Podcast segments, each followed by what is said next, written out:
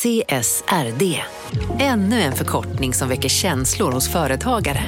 Men lugn, våra rådgivare här på PWC har koll på det som din verksamhet berörs av. Från hållbarhetslösningar och nya regelverk till affärsutveckling och ansvarsfulla AI-strategier. Välkommen till PWC.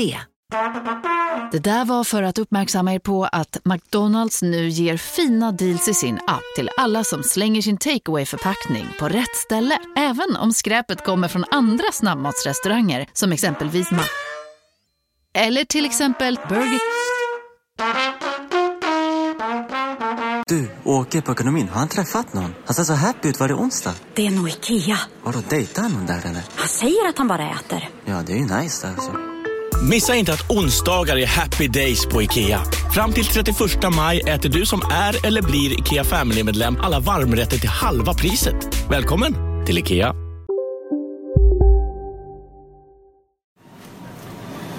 Hej! Hej! Eh, jag skulle vilja köpa en trisslott tack. Ja.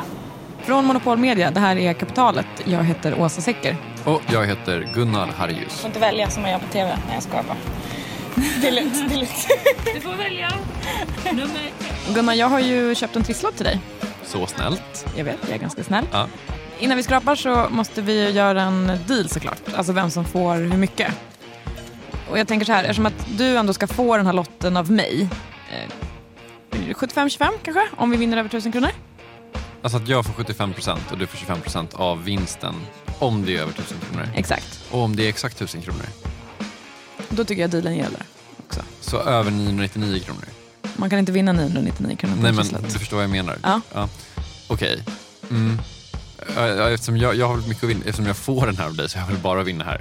Alltså absolut. Jag hade kanske kunnat föreslå 80-20 men, men, men okej. 75-25. Ja, okej. Här, du kan ta lotten där. Mm. Eh, Vad hoppas du på när du eh, skrapar lotter? Alltså, är, är drömmen att stå över det där bordet med, med Steff och, och Jenny och liksom försöka skratta åt Steffos skämt?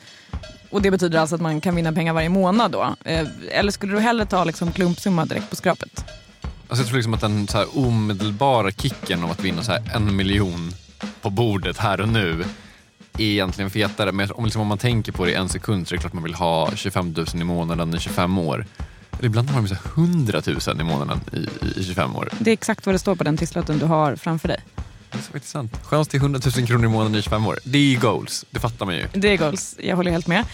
Man hoppas på tv-apparater alla gånger. Vet du hur stor chans det är att du faktiskt skrapar fram en sån? Min gissning är att den är jätteliten. Den är jätteliten. Den är 0,00005 procents chans. Och om du säger det i mänskliga termer. Det är en lott på två miljoner som är månadsklöver. Okej, och sen efter det så måste du också, är det liksom en på kanske 100 eller någonting, att du sätter högsta vinsten när du väl är med i tv typ. Ja, Det vet jag faktiskt inte, men det, lär vara jätteliten chans där också. Ja, okej. Så men det, det är liksom mm, otroligt, liten helt enkelt. Men ändå en chans. Ändå en chans. Jag tänker, du kan ju börja skrapa den här lotten medan jag berättar vad det här har med dagens avsnitt att göra. Det är ju drömvinsten. 1,60. man har i huvudet när man köper en trisslott. Inte att man ska vinna 30 kronor eller 60 kronor, vilket är mycket mer sannolikt såklart. 2,60. Och det funkar ju. För trots att vi såklart med vårt förnuft vet att chansen är skitliten att vi vinner drömvinsten så köper vi lotter. Två månadsklöver. Och idag handlar kapitalet om ett företag som lyckades få folk att tro på den där drömmen. Alltså det som ändå är den ultimata drömmen. Nämligen att kunna bli riktigt rik riktigt snabbt. 2,60. 2, 1 miljon och 2,90 nu när vi går in på extra chansen. Skillnaden mellan en trisslott och det här företaget är att du också kunde förlora riktigt mycket riktigt snabbt. En historia om bönmöten, generaldistributörer och kändisadvokater efter det här. Jag har vunnit noll kronor gånger en. Gud vad jobbigt om du hade vunnit jättemycket pengar. Nej, då hade vi ju haft dealen. Ja, jag vet, det är därför det hade varit jättejobbigt.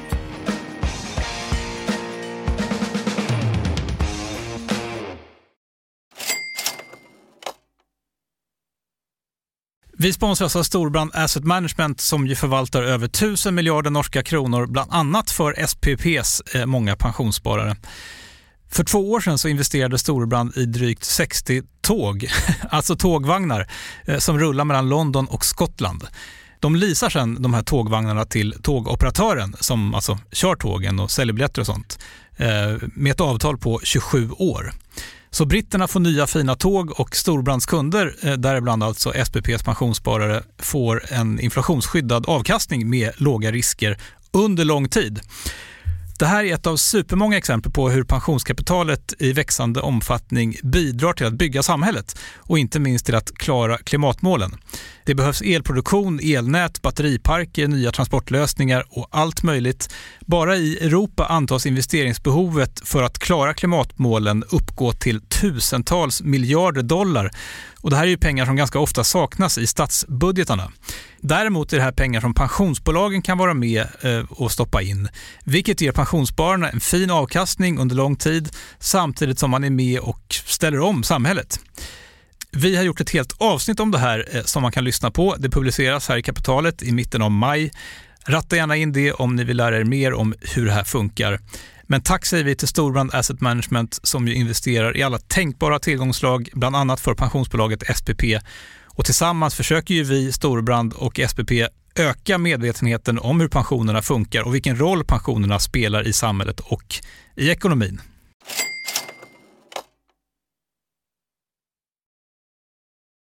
Det hela började med att en god vän till mig som läste ekonomi på universitetet, jag läste juridik då, året var 1971 vill jag minnas. John Åbom är advokat. Sa att du, vi har fått anbud här på ett jobb.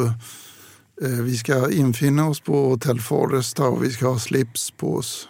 Och jaha, det tyckte jag var intressant. Så jag följde med honom då vi var kamrater i gymnasiet. Vi åkte in på kvällen till Foresta. Har du varit på Foresta hotell? Nej, men jag vet vad det är. Foresta är ett hotell på Lidingö. Ett uh, hotell som ligger väldigt vackert vid vattnet. Det var väldigt sobert och nobelt. Det är alltså för icke-stockholmare ett ställe som ser ut som ett slott och ligger liksom uppe på en kulle som man ser när man kör över Lidingöbron från Ropsten. Exakt. Så John och hans kompis de åker dit. Eh, där träffar de en man och en kvinna eh, och så sätter de sig i foajén till det här hotellet. Han presenterade då sig själv och att han företrädde HDD Magic och, och eh, berättade om att det var ett företag som sålde produkter. Han gick inte närmare in på dem. Det var någonting som skulle säljas i hemmet. Alltså på homepartyn då, sådana där som man kanske mest förknippar med typ eh, Tupperware-burkar. Och han berättade om hierarkin där inom Hology Magic. Olika nivåer, olika befattningar. Och den, vad jag kommer ihåg idag, det var tydligen en befattning som hette general. Det var högst upp, vill jag minnas. Man kan ju ana vartåt det här lutar. Och vi kommer tillbaka till John antar jag. Men alltså, jag vet ju lite vad Holiday Magic är. Jag vet att min moster någon gång använde uttrycket rena rama Holiday Magic om det är någonting som var så här för bra för att vara sant. Eh, och det gör ju att jag får en känsla av att John är på väg att fatta det sämsta beslutet i sitt liv. Men jag tänker också att för att man ska fatta varför det är ett så dåligt beslut så kanske vi ska berätta lite mer om vad Holiday Magic var för folk som inte har mostrar som använder det uttrycket. Absolut. Holiday Magic grundades 1964 av en amerikan som hette William Penn Patrick. Ganska vinnande namn ändå, ja. tycker jag. Eh, tanken är att de ska sälja smink. Eh, Expressen beskrev honom vid något tillfälle som citat en märklig man. Det är lite oklart vad de menade med det. De utvecklade liksom inte det. Eh, han startade i alla fall det här företaget. Det gick jättebra, supersnabbt. Enligt New York Times lyckades han bli miljonär nästan direkt. Efter två år så var han mångmiljonär. Okej, så han sålde sjukt mycket smink helt enkelt? Ja, inte riktigt. Alltså, det marknadsfördes ändå ganska bra som så här, naturligt, ekologiskt. De hade massa olika härliga namn som så här, Lemon Face Splash och Papaya Dew Moisture Cream. Alltså, det är inte ljusår från hur hudvårdsprodukter benämns idag. Jag tycker det låter ganska modernt. Det låter ganska modernt. Men det var inte produkterna som William Penn Patrick blev eh, rik på. Utan? Det var att köpa och sälja grader i organisationen för det var det man tjänade pengarna på. Eh, Jag heter Eva Ersson Åbom och jag finns på Centrum för näringslivshistoria. Vi kanske ska säga också för transparensens skull här att John Åbom, advokaten som vi hörde i början, det är Evas man. Men köpa och sälja grader i organisationen, vad, vad är det ens? Alltså jag förstår att det låter skumt, men vad, skumt, vad, vad är det för något? Hur går det till? Så här går det till. Eh, Jag ska förklara. Det finns fyra grader i organisationen. Steg ett. Steg ett, konsulenten. Då är man längst ner i hierarkin. Det kostar 180 kronor att eh, köpa sig in på den här nivån. 1971 års penningvärde då, så idag skulle det vara 1300 ungefär. Eh, Och då är man alltså den som organiserar homepartyn och säljer smink. Man är liksom ansiktet mot kunden, personen. Så liksom ner på golvet så att säga. Exakt. Okej, och över den finns det någon som är steg två. Över den så finns det en person som kallas för organisatör. Eh, Då betalar man in ytterligare 570 kronor, alltså utöver de här första. 180. Och då är liksom huvuduppdraget att rekrytera fler konsulenter, alltså fler personer som kan ha homepartys. Eh, och så funkar det så att de längre ner i kedjan liksom köper sina produkter av de högre upp i kedjan. Så konsulenten köper av organisatören. Okej. Och du sa att det fanns fyra grader, så det finns en person över personen som säljer produkterna till personen som säljer produkterna. Exakt. Och då är man eh, master. Nu börjar man liksom eh, komma upp sig på riktigt. Vad har man masterexamen i? Försäljning. eh, nej, man har masterexamen i att man har råd att köpa in sig på masternivå. Det kostar nämligen 15 000 kronor då. Så att, eh, jättemycket pengar. Men då får man också ett varulager som eh, Holiday Magic menar är värt 20 000. Så att lagret ska ändå vara värt mer än de här pengarna du själv har gått in med. Mastern eh, köper däremot sina varor direkt från företaget Holiday Magic. Och huvuduppgiften här är att se till att alla som är lägre ner i hierarkin har varor. Kommer du liksom förhöra mig på det här sen? Är det här, måste jag hålla det här i huvudet? Absolut, det blir läxförhör sen. Nej, men man vill bara få en bild av hur den här hierarkin ser ut. Okej, och så finns det ett steg högre upp. Precis, det högsta steget i den här eh, hierarkin det är ju generalen såklart. Generaldistributören, det hör man ju på namnet. Mm. För att få bli general, då ska man redan vara master. Så då har man alltså redan betalat 15 000. Sen ska man betala 13 000 till, så det blir alltså 28 000. Och de här 13 000, de går liksom till generalen som har rekryterat en. Som du rekryterar mig, då ger det 13 000 och säger Exakt. tack för att du har rekryterat mig. Exakt. Go- gode general. För att få bli general så ska man också då ha gått två olika kurser som man ska betala pengar för. Eh, och sen så måste man hitta en master som kan ersätta en själv när man kliver upp.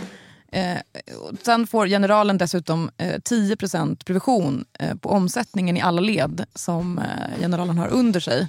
Och sen är det lite andra olika bonussystem, men det behöver vi inte gå in på. Är du ungefär med så här långt? Alltså, jag- jag skulle liksom inte skriva alla rätt på ett läxförhör, men jag förstår ju vad det här är. Det är ett pyramidspel. Otroligt mycket ett pyramidspel. Det är olika pengar som kommer underifrån och man betalar dem för lite oklara grejer och pengarna bara går uppåt, uppåt, uppåt, uppåt. Det är väl det som det här liksom illustrerar.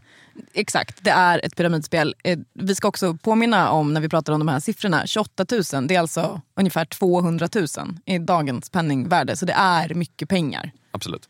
Fråga kolon. Det här gör ju inte folk bara liksom för skojs skull utan man måste ju ha fått något löfte om att man ska kunna tjäna massa pengar i det här. Hur mycket ska man tjäna?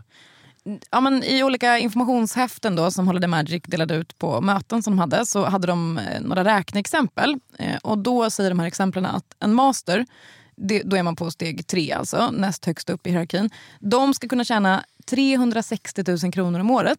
De som är högst upp, generalerna, de ska kunna eh, skrapa ihop 540 000 kronor om året. Det är alltså 4 miljoner kronor i dagens eh, penningvärde.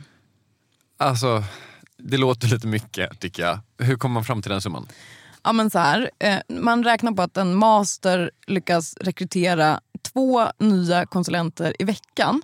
Eh, och så antar man att man jobbar 50 veckor om året, man har alltså bara två veckor ledigt. Då skrapar man ihop 100 konsulenter på ett år. Eh, och Sen så antar man också att de här konsulenterna de håller två homeparties i veckan var då, med fem deltagare på varje. Och alla som deltar på homepartyt eh, köper produkter för 37,50, alltså olika jordgubbs och citronkrämer. Det betyder att varje konsulent omsätter 1500 kronor i månaden. Och hur mycket av de här 1500 får då mastern? Alltså så här, vi kan ju säga det till alla lyssnare, man behöver inte komma ihåg de här siffrorna, det är inte jätteviktigt. Men ja, det man ska komma ihåg är att det flyttas en massa pengar från botten till toppen av den här pyramiden.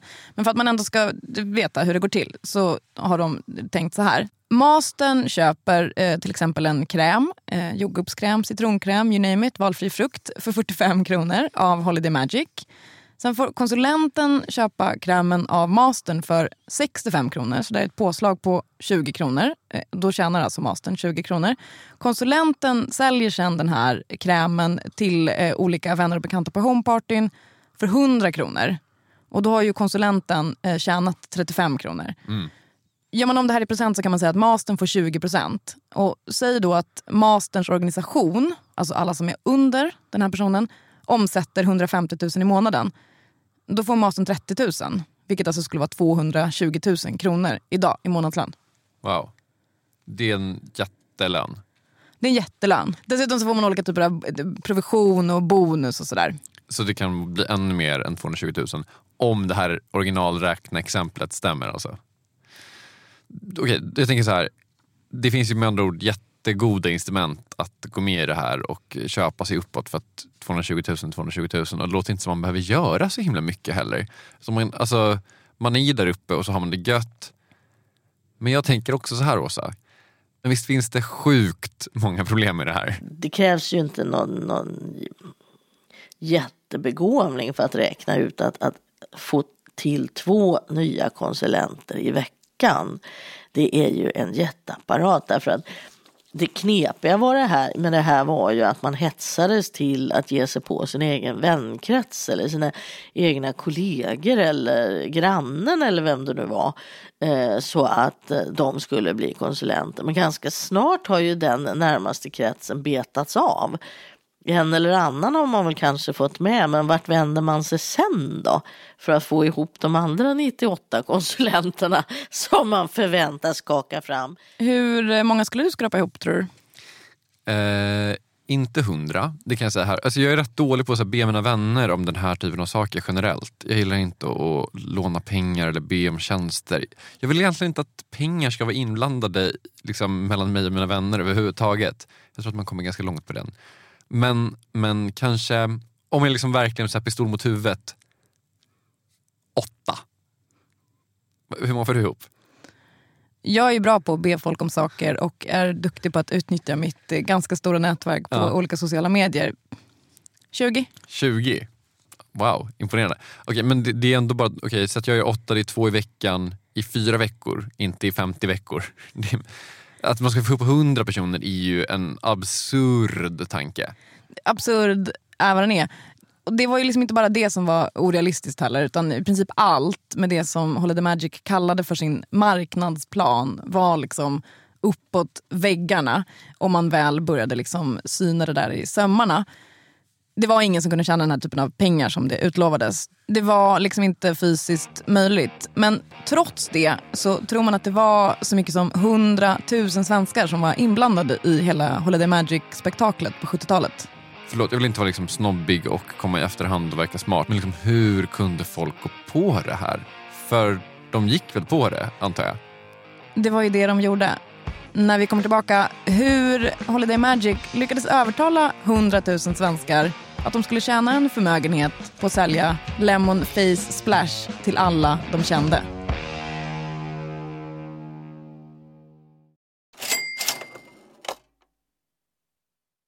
Kapitalet sponsras av Master Exchange, plattformen där du som privatperson kan investera i låtar och får pengar varje gång de här låtarna spelas. Eh, vi berättade ju senast eh, om barnlåten Puff the Magic Dragon som noterades av Master Exchange under våren. Nu har utdelningen på den låten kommit, eller royaltyn som vi säger i musikbranschen. Eh, den ligger på drygt 12% i årstakt och det här är ju en avkastning som är helt okorrelerad till börsen. Till och med Goldman Sachs har börjat skriva om just musik som investering just ur det här perspektivet. Nu finns en möjlighet att investera i en ny låt. Eh, Låten heter Boss Bitch och den är av Doja Cat eh, som, eh, alltså jag ska inte säga att jag är superdeep här men eh, det är ändå en, en person som jag vet om det är. En, en världskändis. Den här låten gav baserat på förra årets spelningar en avkastning på drygt 13%. Master Exchange har just nu en väntelista på registreringar. Det, det går lite för bra för dem kan man säga. Men skriver ni in kapitalet som promo code så kan ni runda kön och ansöka om andelar i låten Boss Bitch ändå.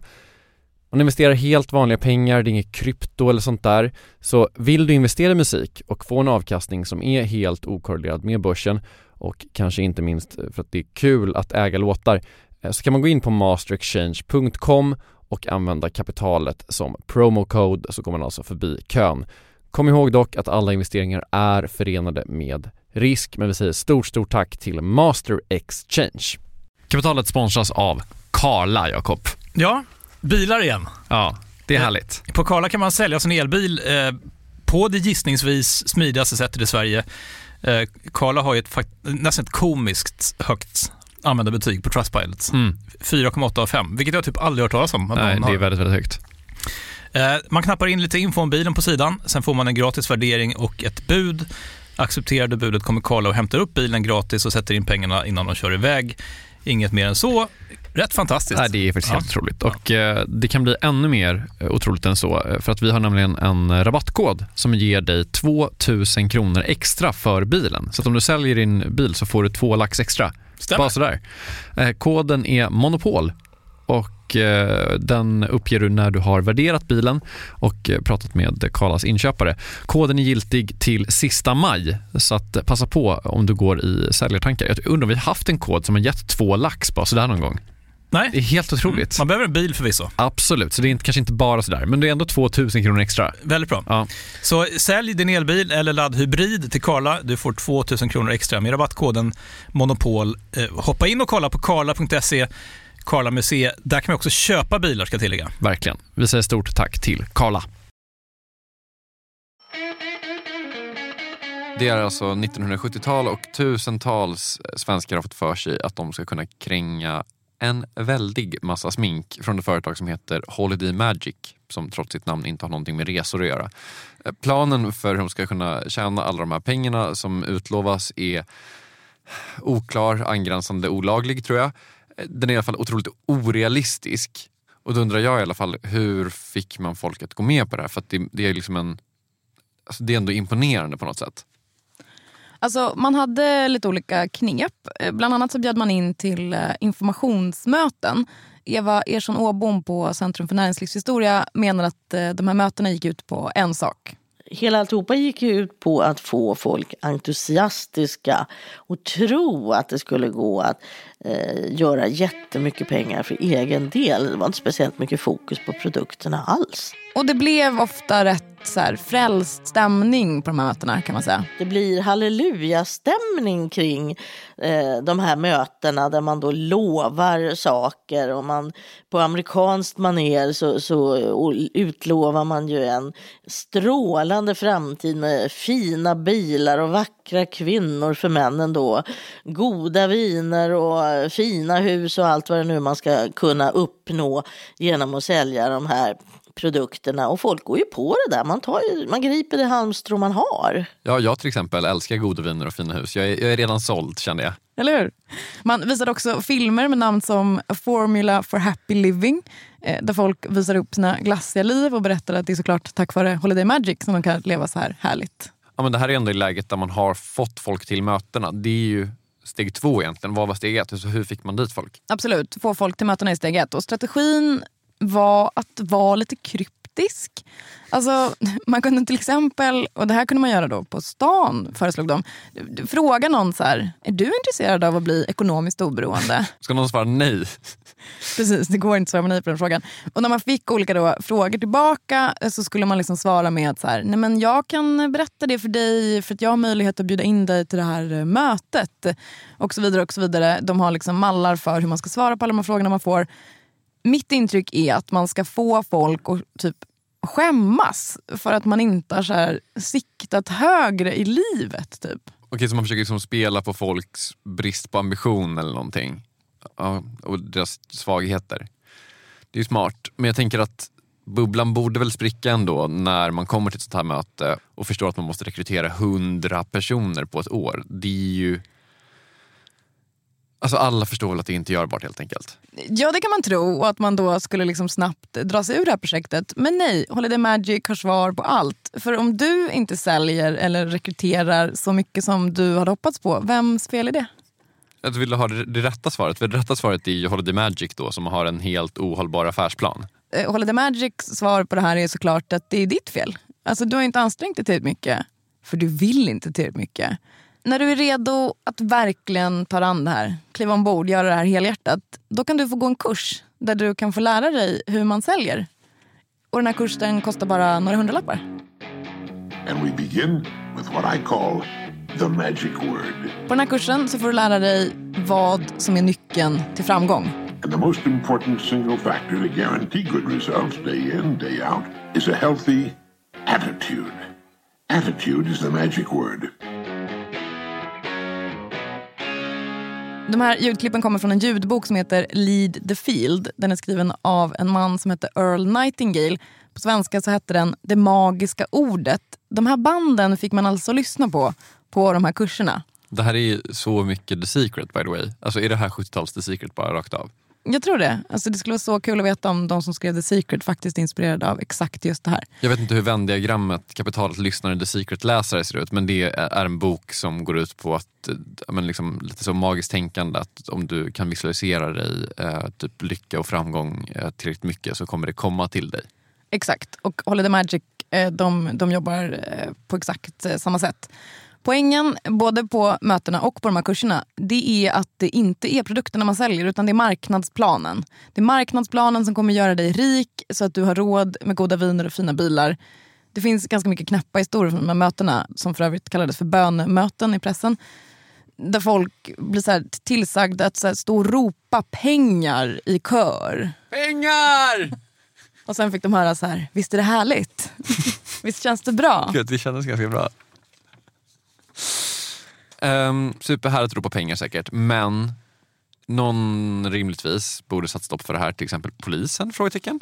Det är 70-tal, kommunikationskanalerna går lite långsammare än vad de gör idag. Men Aftonbladet får såklart nys om de här eh, mötena efter ett tag. Eh, där man då lovar folk att de ska tjäna massa pengar. Så att den 9 mars 1972 så är rubriken på Aftonbladets löpsedlar miljonbluff i kosmetika. Mm stora svarta bokstäver. Eh, han som skriver de här artiklarna, eh, för det är en artikelserie då som rullar över flera dagar. Han menar att han får ta emot dödshot från Holiday Magics chef i Sverige. En rubrik är “Direktör tog tag i slipsen och vred om medan han väste vilda hotelser”. Eh, superbra att en slipsprydd journalist skriver om det här men vi har ju också ett rättsväsende. Absolut. Eh, och ungefär samtidigt som kvällstidningarna börjar skriva om det här eh, så vaknar också konsumentombudsmannen till liv. Sverige fick eh, sin första marknadsföringslag faktiskt 1970 och 1971 så tillträdde den första konsumentombudsmannen. Så det liksom tajmar väldigt bra om allt det här. Och Sven Hörgren som var först på den posten kunde ingripa mot det här eh, och efter anmälan ta hela alltihopa till Marknadsdomstolen. Jättebra. Vad gör Sven Högren? Ja, det är ju egentligen inte pyramidspelet som man ger sig på utan det är ju hemförsäljningssituationen. Att man inte har gjort tillräckligt tydligt att det här handlar om att när du kommer på ett sånt här homeparty så förväntas du köpa någonting. Så konsumentombudsmannen är på bollen, pressen är på banan. Nu börjar det liksom skaka lite under fötterna på Holiday Magic. Men det finns ju också de som försvarar Holiday Magic. När Aftonbladet trummar på som bäst med den här artikelserien så finns det ett gäng glada Holy Magic-försäljare som demonstrerar utanför Aftonbladets redaktion. Och De har en sån himla härlig inställning till livet. Så På plakaten så står det till exempel Strawberry frappé gör det lättare att le. Strawberry frappé är alltså en av krämerna. Mm. Så vinnande slogan. De var bra på det där. De var så bra på det. Och sen har Holiday Magic eh, en person till på sin sida. Och de har ju dessutom för att göra det hela ännu mer spännande lyckats knyta till sig den dåvarande extremt välkända eh, advokaten eh, Henning Sjöström. Henning Sjöström, ringer det några klockor? Lite att jag kan namnet men inte gärningen riktigt. Men typ Haijby-affären är det enda jag vet tror jag. Ja men det är ändå, du är på rätt spår. John Åbom som vi hörde i början, han är ju advokat. Så han har såklart koll på vem advokat Henning Sjöström var. Sjöström var ju en slags fixstjärna då för eh, och som eh, var inom juridiken. Eller han var, han var den kända advokaten. Det var han ju redan när jag var barn. Eh, och eh, han var mycket utåtriktad och, och ja, förekom i kändisspalterna på olika sätt och i uppmärksammade mål. Och eh, han var väldigt okonventionell, Henning. På vilket sätt var han okonventionell, kanske du undrar? Det var en liten sak jag hörde av en advokatkollega att Henning hade slagit upp sitt eh, bokbord där i en paus i marknadsdomstolen och började sälja sina memoarer. Alltså under förhandlingarna med Holiday Magic och KO? Exakt. Det får ändå klassas som okonventionellt. Som advokat så tror jag att hans genombrott var när han försvarade målsägande i Neurosedyn-skandalen om du minns. Minns inte, men vet vad det är. Sömnpiller till gravida kvinnor. Övrig kuriosa om Henning Sjöström inkluderar att han tävlade i spjutkastning på elitnivå, skrev 22 böcker och spelade in den här låten på LP.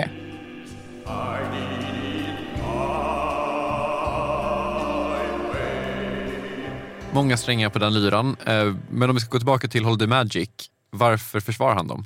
Jag tror att det, det, var någonting som var sensationellt för honom då och, och, som han hoppade in i. Han tyckte väl antagligen att det var spännande också. Det, det var en produkt som skulle säljas och, och, och den var udda.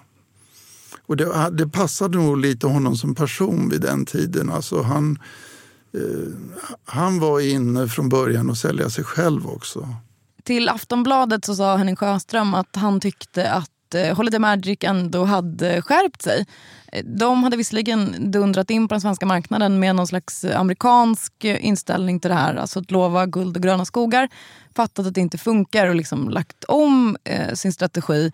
Han säger till en reporter vid ett tillfälle att man eh, citat, kan ha synpunkter på det här med kosmetika men det skapar i alla fall inga biverkningar och människor blir dessutom till synes lite vackrare av det. Mm. Okej, okay, toppen. Men, men så det de stäms för kan man säga är väl liksom att Konsumentombudsmannen vill att de ska rätta till alla sina olika marknadsföringstricks. Och Henning Sjöström säger att de inte längre håller på med de tricksen. Exakt. Men tricksen är ju hela affärsidén.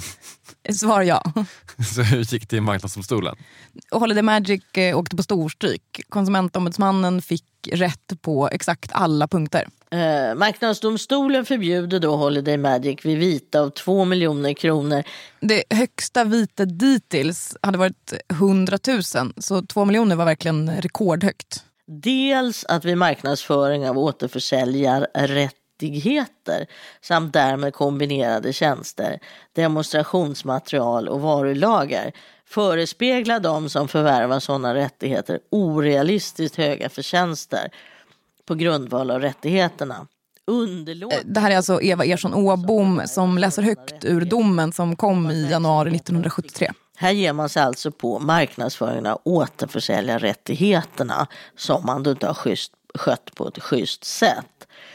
Eh, dels så ska man i samband med marknadsföring av varor till enskilda konsumenter på homepartys eh, skriftligen göra klart för de inbjudna att det är frågan om försäljning och att det är en ångervecka som gäller eh, och att det inte är något köptvång och sen är det lite andra detaljer. Okej, så stor seger för Konsumentombudsmannen. Men en sak som jag inte är helt med på är varför de fälls på de här marknadsföringsgrejerna och inte utifrån att de är ett pyramidspel som väl är det som jag tänker, det är väl lite olagligt? Idag är det det ja. 82 började regleras i lag. Det vet Josefin Aronsson för hon jobbar på Spelinspektionen. Men dessförinnan så kunde, man, eh, kunde konsumentombudsmannen eh, titta på det i marknadsföringsperspektiv. Och även eh, allmänna domstolar kunde ta upp fall till prövning om det rörde sig om bedrägeri eller svindleri. Men just begreppet kedjebrevsspel eller pyramidspel förbjöds vid 82. Okej, men skönt att det är olagligt idag. Men jag tänker att det ändå finns en fråga jag fortfarande inte riktigt fått svar på på något sätt och det är liksom hur så många ändå kunde gå på det här. Jag tänker att visst, man kan få fina pitchar om, om goda viner men kom igen, man fattar att det här kanske inte var en superrimlig grej, eller? Och sen tänker jag, om hon jobbar med såna här grejer idag, alltså betyder det att det finns massa pyramidspel kvar? Vi kan börja med den första frågan där, alltså hur folk kunde gå på det. Det är otroligt komplexa system som man bygger upp. Eh, och det tar mig som är expert på området flera veckor veckor att granska ett sånt här typ av koncept. Eh, så, så en person som kanske inte ens läser det finstilta utan eh, det är inte ett dugg konstigt att förstå att man, att man faktiskt köper konceptet och tror att det, det är betydligt bättre än vad det är. Sen så ska tilläggas att i de flesta fall så säljer man in den här typen av koncept under speciella former. Ehm, det är ofta möten där det är extremt framgångsrika människor inom, inom det som har tjänat mycket pengar och som är duktiga på att tala, duktiga på att sälja. Eh, som säljer in konceptet. Det är ofta technomusik, det är ofta väldigt hårt tryck på människor. Ehm, och det, mm, tyvärr så är det många som, som faller för det och, och vill verkligen tro på det. Än en gång vill inte låta för hård, men lite Lite lättlurad ska man väl vara ändå, eller? Alltså lite bara. Men okej, men är det här så är det här vanligt idag också, eller? Jag skulle säga att det är alldeles för vanligt. Det går i vågor, ser vi. Det går trender i pyramidspel, att det går upp och då så ser vi att det förekommer relativt relativt många och sen så går det ner och blir lite lugnare och vi hör allt, allt mindre om det. Eh, men det förekommer hela tiden och jag tror att det är på grund av att det är många som lockas av ett enkelt sätt att tjäna pengar. En passiv inkomst är det många som, eh, eh, vill, är det många som vill ha helt enkelt. Ska man prata siffror så kan man säga att Spelinspektionen de senaste åren har polisanmält drygt eh, tio olika misstänkta pyramidspel. Sen ska man säga då att det kan ha kommit in fler anmälningar. Alla anmälningar polisanmäls ju inte för man måste ha ganska bra på fötter för att gå vidare med en polisanmälan. Och hur ser de ut? Är det fortfarande de här jordgubbskrämerna? Vad heter det? Strawberry frappé? Strawberry frappé. Eh, inte, inte exakt, men inte så långt därifrån ändå. Mm, ofta så handlar det om, alltså det är väldigt klassiska koncept, så det handlar väldigt ofta om skönhet, det handlar om resor, det handlar om guld, det handlar om lyxiga Eh, produkter eller tjänster. Så den nyare sorten verkar vara en eh, virtuell valuta. Eh, man hakar på tåget med bitcoin som var en stor succé. Och eh, då vill man, vill man försöka att, eh, att hänga med i den trenden fast man ännu inte har tagit fram någon virtuell valuta. Och så bygger man upp det som ett pyramidspel. Förlåt men det känns så himla omodernt att det här funkar. Ja men visst gör det. Ett ställe där det, surprise surprise, funkar ännu bättre än i Sverige är såklart i USA. Okay. J.R. Ridinger till exempel, eh, han går all in. Eh, det ska man ändå ge honom. Han har ett företag som heter Market America. Det är ett klassiskt pyramidspel. Alltså jag har inte ens lyckats lista ut vad det är de säljer och jag har inte googlat en stund. I februari så hade de sin årliga konferens, eh, inte i något trist konferensrum någonstans längs med någon motorväg, nej nej, utan på American Airlines Arena i Miami. Woo! You're gonna get rich! You're gonna get rich! You're gonna get rich. You're gonna get rich. Oh. Ja, inte så säkert va? Det pågår en rättsprocess just nu faktiskt eh, där de som stämmer Market America menar att de har blivit av med uppåt 35 000 dollar eh, och inte tjänat en spänn. Har en eller två frågor rörande Market America, men jag tror att det kanske får bli ett eget avsnitt eller någonting. Uh, hinner kanske inte riktigt nu heller. Men det vi måste hinna, det är storyn om John Åbom. Det är alltså han advokaten uh, som gick till Forest Hotel i slips och hamnade på ett uh, Holiday Magic-möte. Jag varnade förut för att han kanske är på väg att ta sitt livs sämsta beslut. Det gjorde han inte. Han och hans kompis de satt där i foajén på Hotell Foresta och eh, får information om hierarkin i Holiday Magic. Vi började då ställa följdfrågor. Hur var det? Var man anställd som i en firma eller ett bolag? Hade man regelbunden lön eller var det timdebitering som gällde eller var man sin egen företagare? Och min gode vän förklarade, eh, ställde frågan hur är det då med skatt? Hur betalar man in den och hur räknas den ut? Och sociala avgifter och alla såna här krångliga saker. Och det avfärdade han med att säga att ja, skatten, eh, hur kul tycker du det är att betala in all den här skatten? Och sen upphörde den diskussionen. Då började vi väl förstå att det här var lite lurt då, eller det var någonting som var lite i utkanten. då. Så eh, ja, han pratade vidare och hon fällde några kommentarer när flickan som var med, flickan var väl 25, eh, om att eh, vad hon tyckte vi skulle kliva in i för befattning. Och, eh, ja, vi, vi tyckte hon var lite larvig och eh, sen avslutade samtalet och vi återkom aldrig till de här och Holiday Magic. Bra beslut John. Verkligen. Även om John inte föll för det här så tycker jag att han beskrev ganska bra varför det ändå går att övertyga folk om såna här grejer och varför det går fortfarande. Den finns, tror jag, i det mänskliga psyket eh, och, och eh, att man vill tjäna pengar och, och, och, det finns det här med lockelse. Och det, det, det ligger i, men det finns alltid, även i omöjliga företag eh, så kan man locka till sig kapital. Om man marknadsför det rätt, om, om man vilseleder och det behöver inte vara, gå till nivån bedrägeri. Men man kan få folk att satsa och eh, går det då till en början bra att några tjänar och man kan påvisa det så, så har man en, eh, kan man få lite av en massrörelse. Och med det så är kapitalet slut för den här veckan. Vi som har pratat heter Gunnar Harjus och Åsa Secker. Slutmixen har Kristoffer Krook stått för och vår föräldralediga chef heter Jakob Bursell. Om ni fortsätter lyssna nu så får ni höra en intervju med psykologen Kajsa Asplund. Hon har rätt ut det här med hur företag egentligen definierar talang och det ska visa sig vara mycket spretigare än vad man kan tro. Det reportaget har vi gjort i samarbete med eh, SNS och det kommer alltså alldeles strax. Vill ni oss någonting så kan ni mejla oss på asa eller gunnar.kapitalet.se eller gå in på vår Instagram. Där heter vi snabbelagkapitalet. Vi är tillbaka med ett nytt avsnitt nästa vecka. Hej då!